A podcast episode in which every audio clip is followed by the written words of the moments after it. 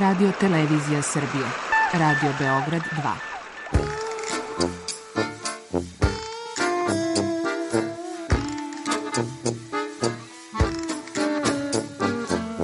Rekli su mi, gospodine, vi ste promašili temu. Pa ja sam onda promašio život. I ne znam šta će da bude sam. Kaže, ja ne mogu više te čuvam. Šta da ti radi, kaže, snađi se kako znaš. Mi smo kao u kafesu. Za nas to je najmrtvo. To je mrtvo za nas, naročito. I ja bih želela neko da me usvoji. To bih želela. Govori da bih te video. Program dokumentarnog zvuka.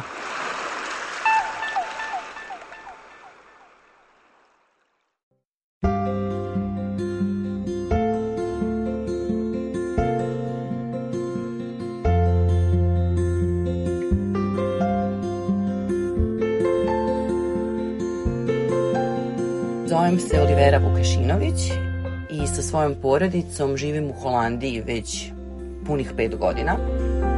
Preselili smo se 2017. godine i ovo je naša peta godina ovde i peti praznici ovde.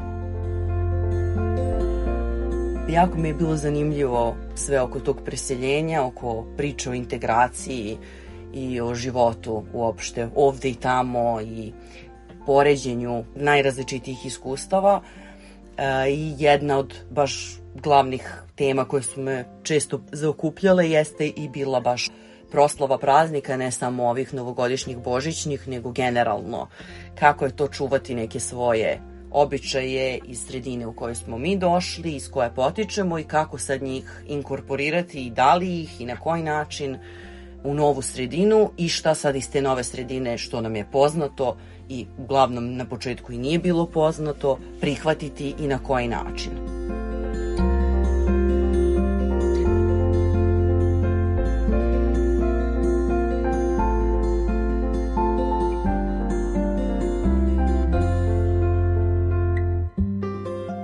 Nekako je slučajno ispalo da kad smo se mi doselili u Holandiju je bio kraj novembra i to je bio baš taj zimski period i početak perioda praznika. Što mi nismo ni znali da je već u tom nekom periodu u Holandiji se uveliko nešto slavilo i to nešto je u stvari bila proslava Svetog Nikole holandskog, koja je jako, jako tradicionalna i ima određene svoje običaje i karakteristike. E, pošto je naša čerka tada imala samo dve godine i nije još uvek krenula u neki kolektiv, nije krenula u predškolsko ili u školu, mi smo samo sporadično shvatili šta se dešava i nismo se nešto previše udubljivali u tu temu, šta se slavi, na koji način i kako. Međutim, onda nam je prvi neki kulturološki šok povodom proslave praznika baš bio kad smo mi rešili, kad smo se preselili u svoj novi stan, negde baš oko Božića koji se ovde slavi 25. decembra, smo shvatili da mi ne možemo bukvalno nigde u gradu da nađemo novogodišnju jelku. I onda je to bilo vrlo onako interesantno, izbunjujuće kao šta se dešava i zašto je to tako. E, da bi se onda ispostavilo kad sam ja krenula to da istražam malo po forumima, po različitim nekim iseljeničkim zajednicama i njihovim mestima gde razmenjuju iskustva, da se ovde u stvari običaj e, kićenja jelke dešavaju mnogo ranije nego kod nas. Znači, oni počinju da kite jelku negde već krajem novembra i samim početkom decembra, kako ko, i da bi onda sad sve zavisno od porodice do porodice, neki čak jelke već raskitili i sklanjali dekoraciju već oko Božića, što je nama bilo vrlo, vrlo čudno, a da ne pominjem što se naš Božić dešava i slavi tek nakon nove godine. Tako da je bilo vrlo onako izazovno kako i na koji način doći do neke jelke, pa smo na kraju se ispostavilo neku uspeli da naročimo online, što je bilo pre zanimljivo i onda je jelka ta čak bila 50% na sniženju, pošto jeli su prošli praznici, što je bilo jako interesantno. Tako da smo dobili fenomenalnu jelku u pola cene i okitili smo je kad su već svi sklanjali svoje jelke. I onda meni to bilo baš interesantno da istražim šta i kako. I tad sam to više na tom nekom fenomenološkom nivou istraživala, jer nismo toliko bili da uronjeni u celu tu proslavu i u tradiciju. Da bi onda posle, naravno, kako je čerka krenula u školu, i kako smo krenuli sa tim nekim dubljim slojem integracije uopšte u holandsko društvo kroz školu i kroz to okruženje, njene prijatelje, učitelje i ostalo, smo onda shvatili da je ovde u stvari glavni praznik i najveći deči praznik proslava Svetog Nikole. kad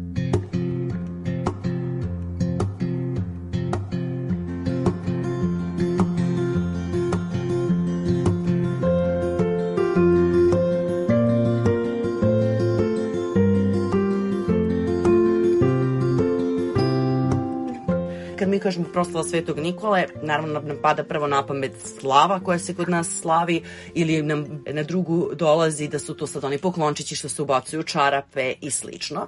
E sad, koji su uopšte elementi ovde bili ovde i od toga napravljeno, znači ogromna, ogromna fešta koja se slavi tri nedelje čak i to je najveći praznik dece. E, znači u suštini se on završava tim danom kada bi se kod nas slavio, to jest po njihovom kalendaru je to 5. decembra, ne 19. kao kod nas, znači tada se završava celo slavlje, a tri nedelje pre toga, negde sredinom novembra, Sveti Nikola dolazi, to jest Sinterklas se zove u holandskoj verziji, dolazi uopšte u Holandiju i to dolazi iz Španije, što je ono prezanimljivo, on kao celo leto provodi u Španiji, I onda dolazi u novembru u Holandiju i to, dola, to postoji cela onako jedna ogromna fešta i mnogo, mnogo priča oko toga. On dolazi parobrodom sa svojim pomoćnicima, donosi mnogo poklona i to se zove u stvari Sinterklasov dolazak. I, i time, tim svečanim dolaskom i nakon toga povorkom kroz ceo grad gde on jaše na svom belom konju, prate ga pomoćnici, tu, tu onda bude svega i svačega od muzike, plesa, predstava, znači tu bukvalno traje ceo dan od tog trenutka on je svečano stigao u Holandiju i odlazi u neku svoju rezidenciju. I on od tada biva u Holandiji i svakog, svake večeri decu daruje. Znači, deca od tog trenutka stavljaju svoje cipelice, čizmice negde, uglavnom ili stavljaju na terasu ili pored prozora gde je e, radijator ili gde potencijalno se nalazi dimnjak da bi dolazili pomoćnici i ubacivali i onda im pomoćnici ubacuju ili sam Sinterklas raznorazne sitnice. Znači, to su ono od bombona, čokoladica, ne znam, voća i sličnih stvari, nekih sitnih malih poklončića. Znači i to traje svakodnevno. Znači to traje od tog trenutka dolaska do 5.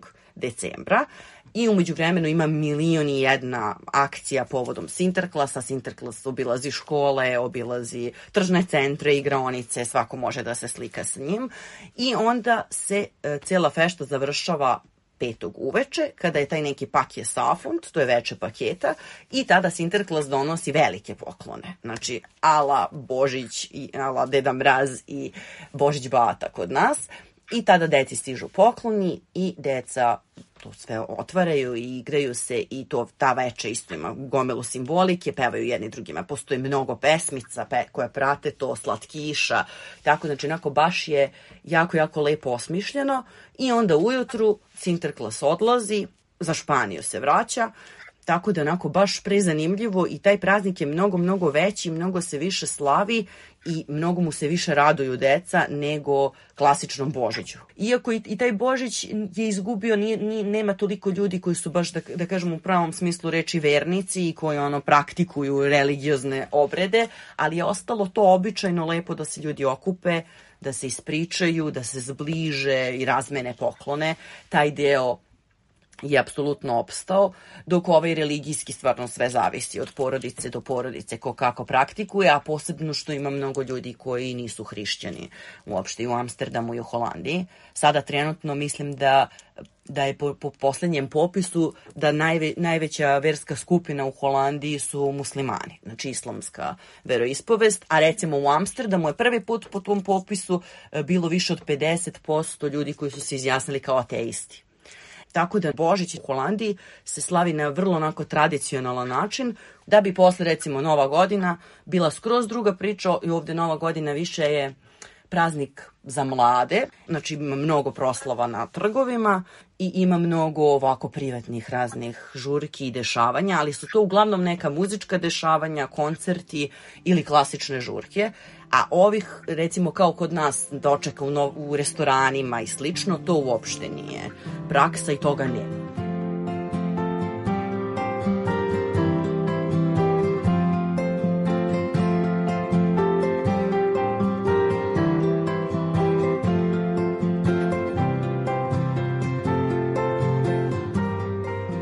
Sinterklas kad dolazi prvi put, on dolazi u Holandiju i tu se bira svečano u koji grad prvo stiže.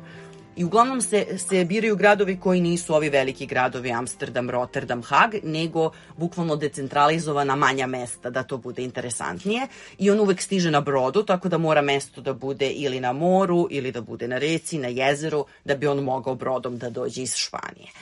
E, tada dolazi taj određeni Sinterklas koji u stvari bude neki glumac, naravno, koji je baš određen za tu ulogu te godine. I uglavnom on ima baš onako jednu specifičnu odeću, slično je kao Deda Mraz, ali E, pošto je on rađen po liku pravog svetog Nikole koji je bio biskup iz četvrtog veka, on ima tu biskupsku odoru koja je dugačka crvena haljina, ima bele rukavice, ima neki e, biskupski šešir koji je crven, drugačiji opet od ovog Deda Mrazovog, e, ima dugačku, naravno, sedu bradu, ima crveni prsten sa rubinom i ima onaj neki štap, kao što su e, pastiri nosili, onako, samo što je to zlatan štap koji je savijen. I sad to su ta njegova neka obeležja i taj određeni glumac, da kažemo, koji predstavlja Sinterklasa, on od tog dana, svakog dana čak i na televiziji holandskoj, to je njihova nacionalna televizija kao kod nas što bi bila radio televizija Srbije, pa sad prvi program, e na takvoj televiziji on svakog dana od šest po uveče ima svoj žurnal. I to traje 15 minuta i on se obraća deci, tu, tu pratimo avanture njega i njegovih pomoćnika, tu se tako svašta nešto zanimljivo dešava. Tako da je to vrlo onako nacionalno propraćeno i to je Znači, ono, bukvalno cela nacija prati te avanture, deca, roditelji, svi su uključeni. E onda on, ovi, što se tiče ovih dolazaka, on posle dolazi i u svaki grad posebno. Sad to naravno budu određeni, znači, uglavnom bude vikend, dolazi subota i nedelja i dolazi u određenim danima, ne bude uvek taj isti glumac, naravno ne može da postigne po svim gradovima, ali bude recimo ako je ove subote dolazio u Amsterdam, sledeće subote je u Hagu ili u nekom drugom gradu, u ovim drugim manjim mestima isto. I onda to budu najrazličitiji dolasci, da li brodovima, da li nekad biciklom, da li, mislim, svašta nešto bude ovim vatrogasnim kolima, ambulantom, tako da oni to jako budu kreativni i tako to funkcioniše. Sad ovaj glavni glumac, da kažemo, on se pojavljuje uvek na televiziji, on glumi u filmovima, postoji cela ono, filmska produkcija koja prati, postoji taj neki klub Sinterklasa, znači ovo, ja sam sa čerkom ove godine išla, dva smo filma čak gledali koje su ove godine snimljena. I to budu mjuzikli, bude prezanimljivo, i avanture tih određenih njegovih pomoćnika. Ali je u suštini to jako sistemski, cela država stoji, to je kao da kažeš državni projekat i posle lokalni, znači svaka mala lokalna samouprava to organizuje, ali to znači Sinterklasa dočekuje isto gradonačelnik grada. Znači to stvarno onako bude jedno ozbiljno i prelepo slavlje, samo da bi eto deci bilo interesantno. Tako da je to meni onako baš bilo wow, nisam mogla da verujem koliko su se potrudili samo da bi bukvalno deca uživala i da bi doživala tu neku čaroliju praznika. Dok je bila korona, su oni toliko iskonstruisali, znači prvo Sinterklas do, dolazi i došao je i za vreme korone, ali Sinterklas je stariji, znači Sinterklas nije mogao da obilazi kuće jer stariji ljudi su bili ugroženi za vreme korone. Tako da je Sinterklas bio sam izolovan u svom zamku, e, Sinterklas je pokrenuo svoj podcast i on je svakog dana preko podcasta se obraćao deci. Deca su mu preko Zuma je bio ceo doček. Znači, on je došao na, na tajnu lokaciju gde ga je dočekao gradonačelnik i jedno dete koje je bilo predstavnik sve dece. Sve je bilo na rastojanju od dva metra. To je sve prenošeno uživo. To se uvek prenosi uživo na televiziji i to u udarnom terminu i to je sve toliko iskonstruisano bilo do detalja da i dalje opstane čarolija i da u tom trenutku više Sinterklas ne ide po kućama i ne deli on poklone, nego su njegovi pomoćnici delili poklone zato što su oni mlađi i mogli su jednostavno da se šetaju i idu obilaze kuće po pandemiji. Tako da meni, meni je to bilo toliko onako divno i dirljivo da i u tim uslovima koji su bili sve samo ne ono svečani i praznični uslovi su oni održali tu čaroliju i, i sve se promenilo. Mislim, gomila stvari se prilagodila da bi samo deca imala tu iluziju i da bi uživala.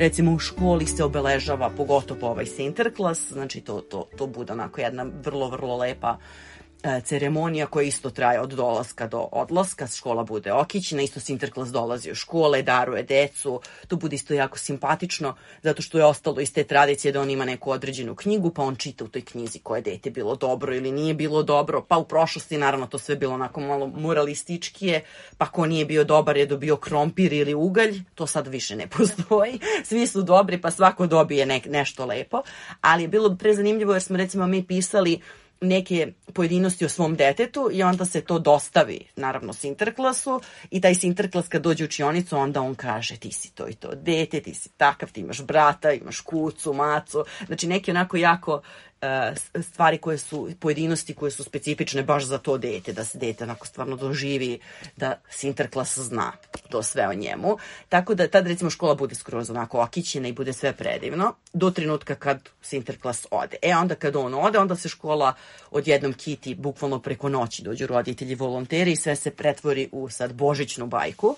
I recimo to je predivno jer oni imaju za Božić proslavu u školi, koja je u stvari božićna večera i to je čerka recimo imala prošle nedelje. Uh, za, I za tu večeru dođu u popodnevnim časovima i učiteljice i svi pripreme onako predivno da to bude jedna onako trpeza svečana, svako dete donese neku hranu, neki domaći obrok ili kolače ili slatkiše ili šta god već ko, ko želi sokove, čajeve i ostalo i deca se onako obuku svečanije, budu neke priredbice i roditelji, to mi je bilo preslatko i prethodnih godina i ove godine, roditelji naprave hor i onda pevaju božićne pesme i idu od učionice do učionice i dočekuju decu, tako pevajući pesme i to uglavnom mešaju, pevaju i pesme na engleskom i holandske božićne pesme.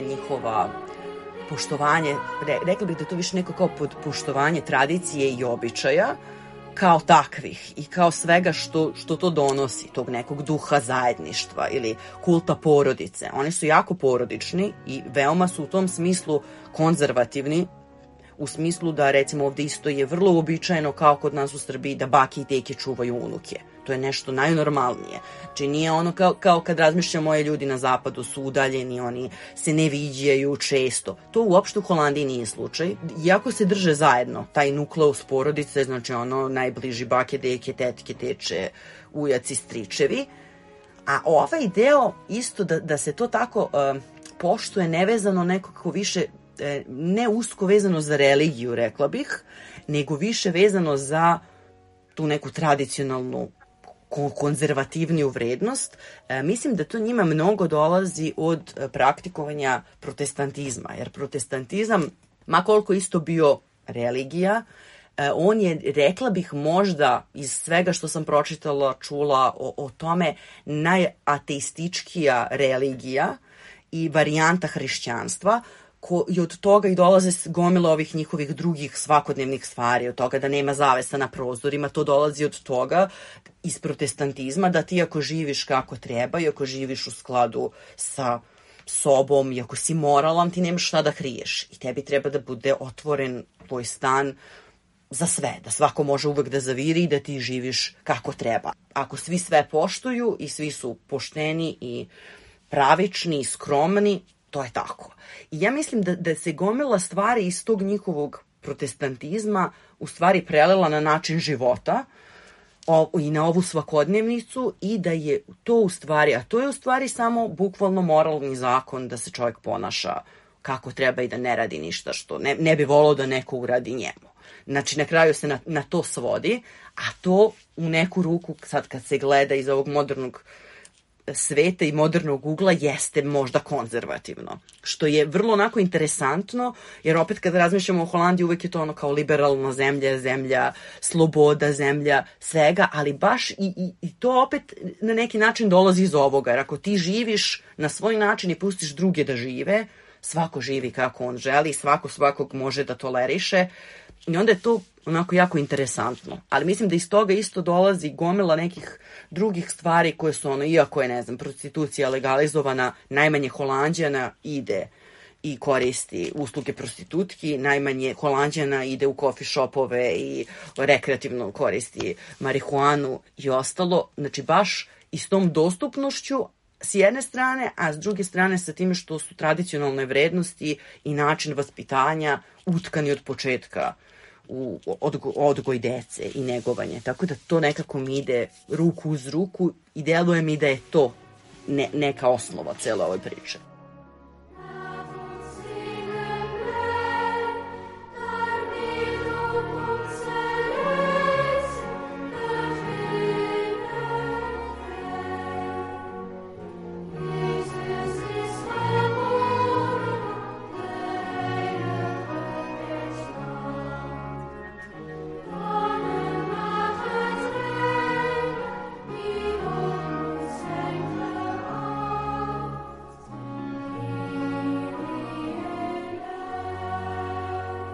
Postoji jedna cela problematika koja je ono tema za sebe. Sinterklas, njegov pomoćnik, se u stvari zove uh, Crni Petar, znači Zvarta Pit, i on je iz prošlosti predstavljao i simbolizo, simbolizovao mavarsko dete, odnosno malo crnče, koje je njemu pomagalo i u stvarnosti i jeste Sveti Nikola bio uvek okružen decom, to je lik po kome je svetac nastao. I onda postoji cela polemika sada, poslednjih pogotovo 10-15 godina, oko toga da li je korektno, pogotovo da se belci e, maskiraju u tog malog dečaka, to jest sad celu hordu tih dečaka, tih pomoćnika pitova, koji su baš onako klišeirano i vrlo rasistički i nekorektno bili predstavljeni onako bukvalno crnim i malinom i crvenim karminom oko usta. I Tako da u posljednje vreme mnogo raste svest da je to nekorektno i nije u redu i već prethodnih godina su se čak i premijer Holandije i kralj i svi su se izjašnjavali povodom tog pitanja, pošto je bila ogromna polemika, pogotovo u društvu ljudi koji su potomci pređašnjih i robova i kolonija i postkolonijalne priče, tako da je to onako jedna goruća tema koja još uvek nije uh, razrešena. U suštini sad je došlo do nekog korektnog spoja da sad ti crni pitovi nisu prikazani na taj način, da kažemo stereotipno loš i klišeiran, već su prikazani kao da imaju samo malo gara na ovim svojim obrazima i onda to simbolizuje da su oni garavi od uglja od parobroda ili su prolazili kroz dimnjak.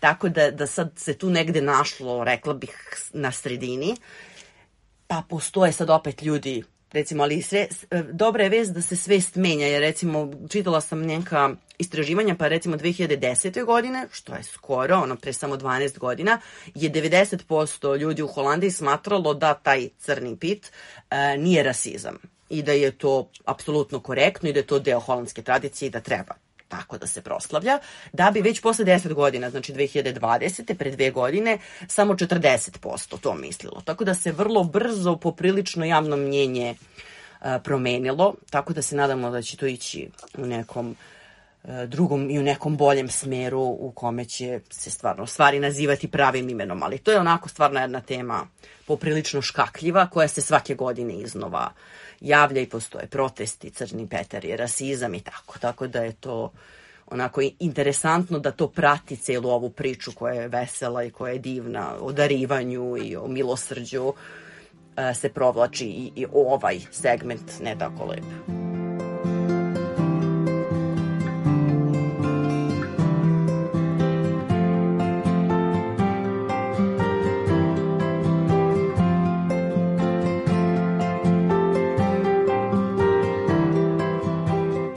Mi smo od tog prvog trenutka počeli da, da promišljamo šta bismo volili da inkorporiramo u taj neki svoj splet praznika, šta ne bismo i na koji način. I onda smo mi došli do toga da, pošto stvarno volimo da slavimo sve redom praznike i mi ono, porodično i ja lično i deca, da smo mi krenuli bukvalno da slavimo sve. Mi smo ubacili u naš korpus praznika, tako da u našoj porodici bukvalno praznici počinju to, to znači te sredine novembra, kada Sinterklas dolazi.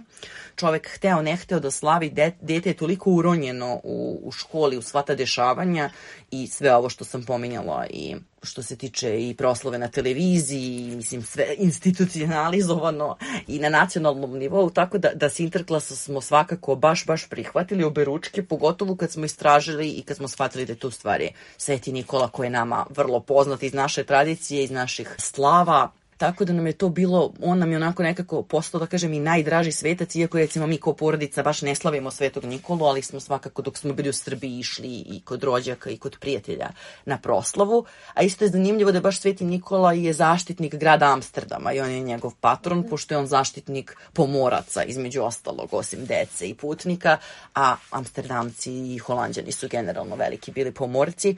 Tako da nam je on onako, baš ta simbolika je nama lično jako legla u smislu toga da smo i mi ti koji smo se doselili i da smo doputovali i da je to naš Sveti Nikola koga već znamo.